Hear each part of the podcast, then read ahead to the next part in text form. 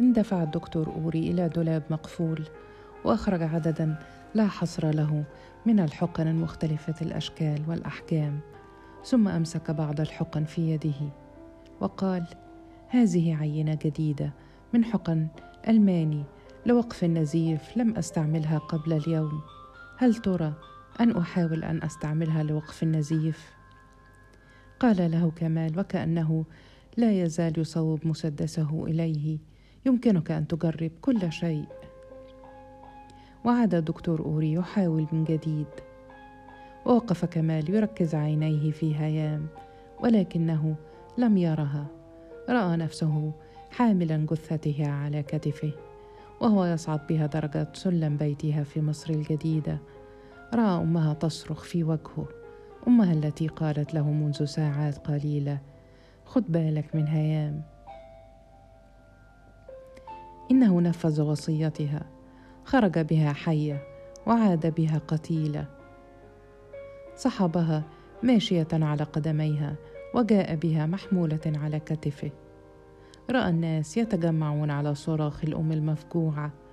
كل الوجوه التي يعرفها تشير إليه بأصابعها وتقول أيها القاتل. هذا وجه خاله المسال يتطاير منه الشرر. هذا وجه الشاعر إبراهيم الشهاوي ارتسمت عليه كل علامات الاحتقار. هذا وجه المخرج يوسف فهمي وقد ضغط على أسنانه وكأنه يريد أن يقتله. هذا وجه الخادمة سميرة يلعنه بلهجتها القروية البسيطة. ألوف الجماهير رجال ونساء وأطفال عجائز وشباب يلتفون حوله يرفعون أيديهم مهددين يطالبون برأسه. يحاولون أن يفتكوا به يمزقونه قطعا صغيرة يدوسونه بأقدامهم. هذا هو الرجل الذي قتل معبودتهم. هذا هو المجرم الذي حرمهم من المرأة التي أسعدتهم. هذا هو السفاح الذي أسال دم المرأة التي جعلت لياليهم احلاما وجعلت مشاهدة المسرح متعة لا تعادلها متعة. كل هذه المعاني هو الذي قتلها. كل هذه المتع هو الذي حرمهم منها. كل هذا الهناء هو الذي سلبه منهم من كل واحد فيهم. رأى صفحات الجرائد وهي تنشر صورته إلى جانب صورة هيام الصحفي الذي قتل ممثلة. عنوان مثير سوف يبيع. الصحف كلها سوف تنفذ. جميع النسخ المطبوعة. سيصبح عدو الشعب رقم واحد. سينسى الناس جريمة الاحتلال وجريمة الاعتداء على حرية الرأي ولن يذكروا سوى جريمة مصرع الممثلة هيام سعيد. إنه هو القاتل فعلا وليس الدكتور أوري. هو الذي أشار عليها بالعملية. هو الذي ألح في إجرائها. هو الذي غضب على هيام عندما أرادت أن تحتفظ بالجنين. كان قلبها يشعر عندما عارضت إجراء العملية. كان قلبها يشعر عندما استدعته لمقابلة أمها. كأنها ارادت أن تجعل أمها الشاهد الأول على الجريمة. لتقول في التحقيق إنه هو الذي خرج معها هو الذي أخذها إلى حتفها. كأن هيام خشيت أن يهرب عندما تموت على سرير العملية فجاءت به لأمها. وكأنه يوقع أمامها ايصالا باستلامها. ويتعهد باعادتها إلى أمها حية كما استلمها. أمها أيضا كان قلبها يشعر بالكارثة عندما طلبت منه أن يأخذ باله. سائق الأتوبيس وركابه الذين كاد يصطدم بهم في ميدان مصر الجديدة حدثتهم قلوبهم أن كارثة ستقع وقالوا له خذ بالك يا أعمى. سائق السيارة التي كانت تقف أمام العيادة واصطدم بها وصاح فيه خذ بالك يا حمار. كان قلبه هو الآخر قد شعر بالكارثة. إنه وحده الذي لم يشعر هو وحده الذي لم يعرف أنه أعمى هو وحده الذي لم يعرف أنه حمار.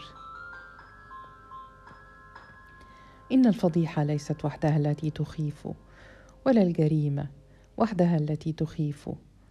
إن الهول الأكبر أنه سيحرم إلى الأبد من هيام من المرأة التي علمته الحب من شفتيها من المرأة التي أذاقته الهناء بين ذراعيها من المرأة التي جعلت أيامه أحلى مما كانت وجعلت لياليه أحلى من أحلامه.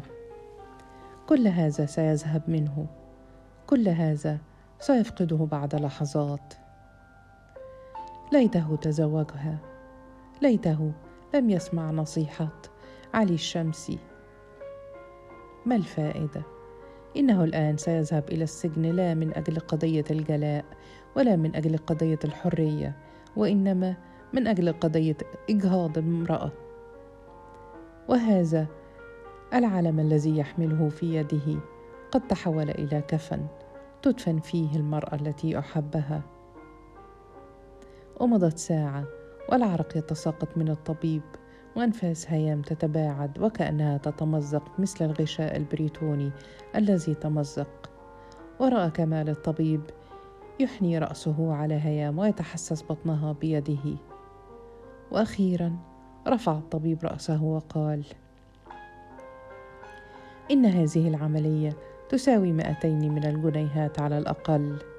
ولكنك صديقي وزبوني ولهذا لن آخذ منك سوى مائه جنيه.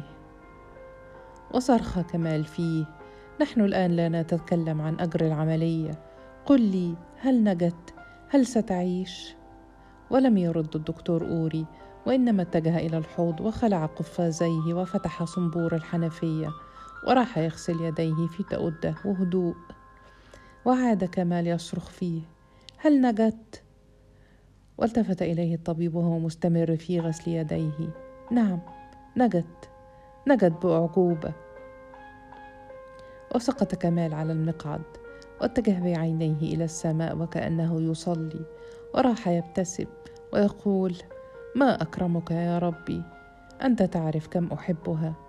أنت تعرف أن حياتها هي حياتي. أنت تعرف أنني ضحيت بها من أجل بلادي. أنت تعلم أنني مؤمن بك. أشكرك يا رب أنك أجبت صلاتي الصامتة. أنك حققت الدعوات التي كان يصلي بها قلبي.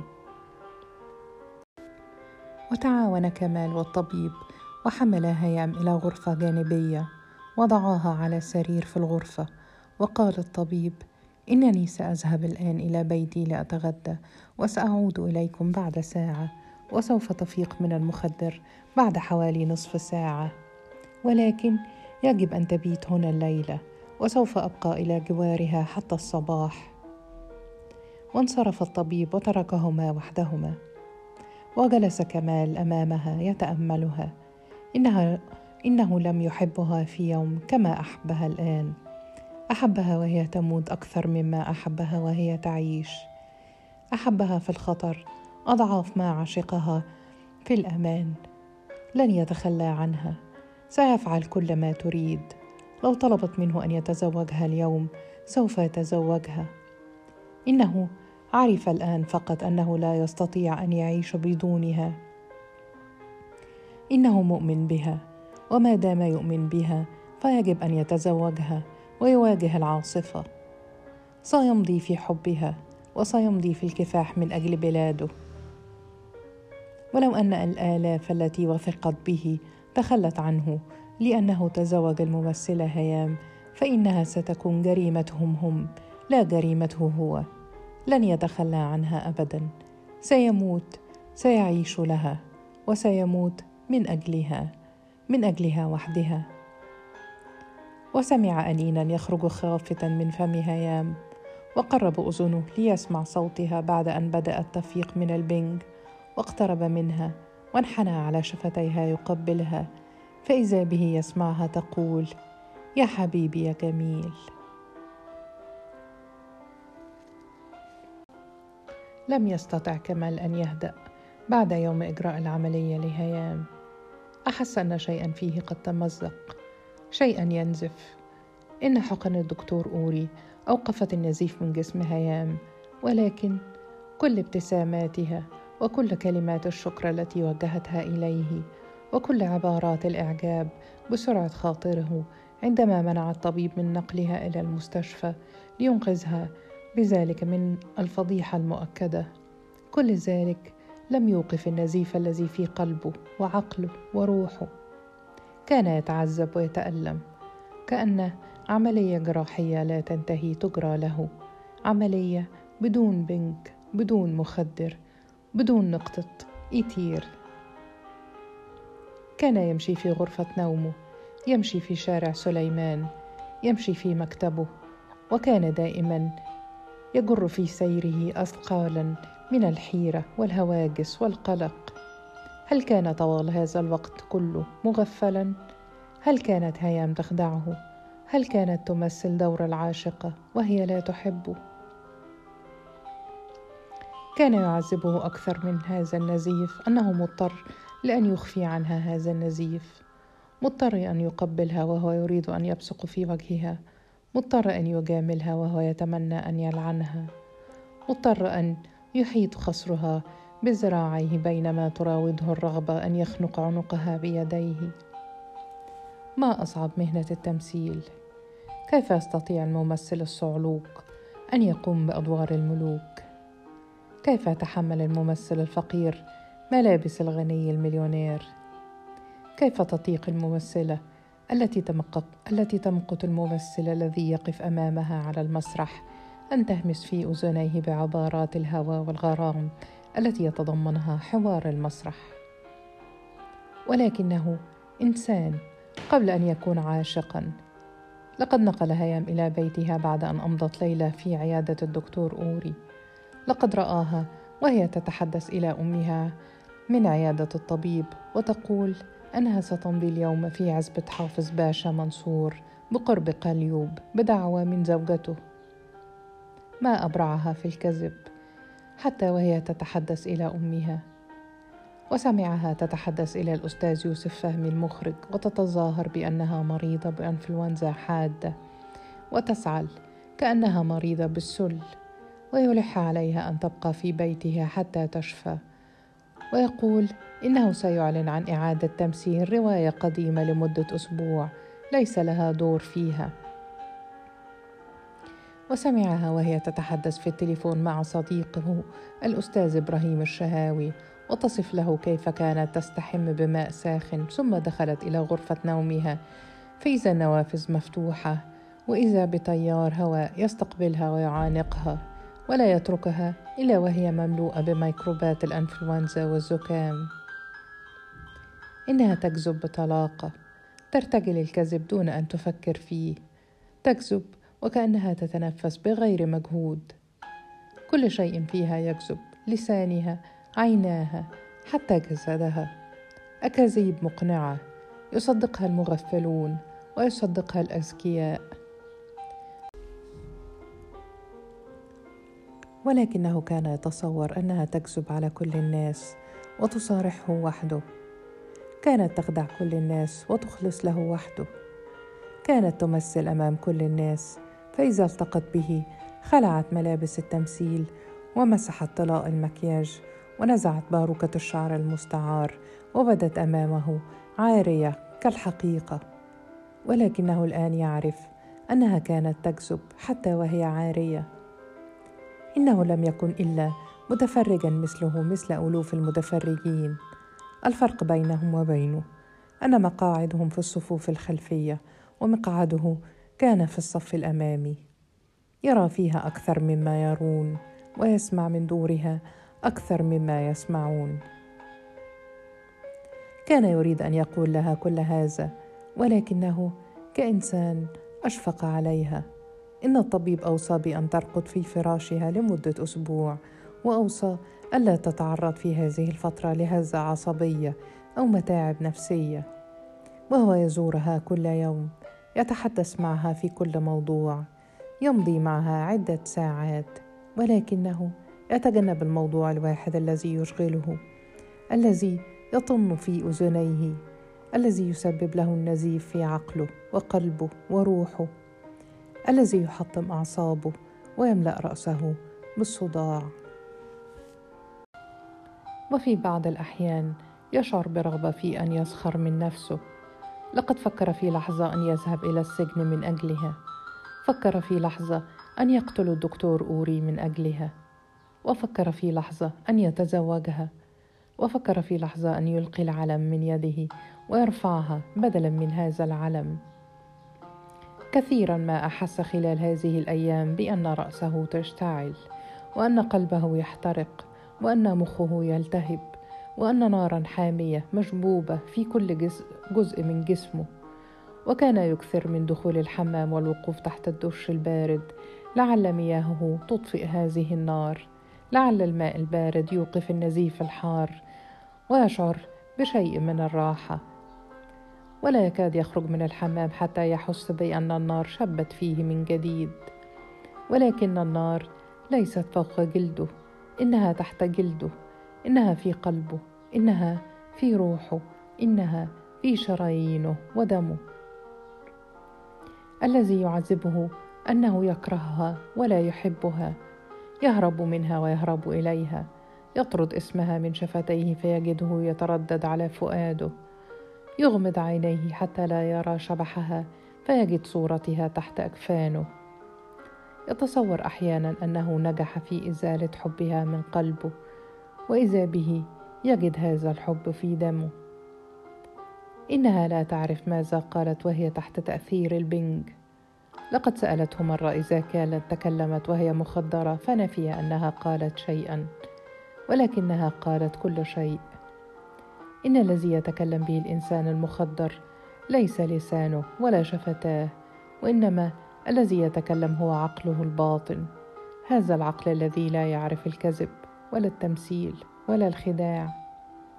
لقد تكلم العقل الباطن لهيام وهي مخدرة بعد العملية. بل إن الذي تكلم هو قلبها الباطن القلب الذي لا يمكن أن نراه بالأشعة ولا بالعمليات الجراحية. لقد قال قلبها الباطن إنها تحب رجلا آخر ولا تحب سواه. لو أن احدا قال له هذه الحقيقة البشعة قبل ذلك لما صدقه. لو أن شهودا أقسموا أنهم سمعوا هيام تقول هذا أمامهم لسخر من قسمهم ولكنه سمعها بأذنيه. لم يسمعها مرة واحدة وإنما سمعه ثلاث مرات. وحار ماذا يفعل؟ هل ينسحب من هذه المهزلة؟ كما ينسحب المتفرج الذي يعرف نهاية المسرحية قبل اسدال الستار أم يبقى في مقعده ليشهد الختام؟ هل يواجهها بما سمعه من شفتيها؟ أم يخفي الكرت الذي في يده ويتظاهر باللعب؟ ثم يرمي الكرت في النهاية كما يفعل اللاعب الماهر الذي يخفي الولد إلى النهاية في اللعبة. إنه يميل إلى أن يعذبها كما عذبته. يتفرج عليها وهي تكذب كما تفرجت هي عليه وهو يصدقها. يريد أن يتركها في طبقه حتى تبرد كقطعة البفتيك الساخن ثم يقطمها إلى قطع صغيرة ويتلذذ وهو يأكل كل قطعة منها.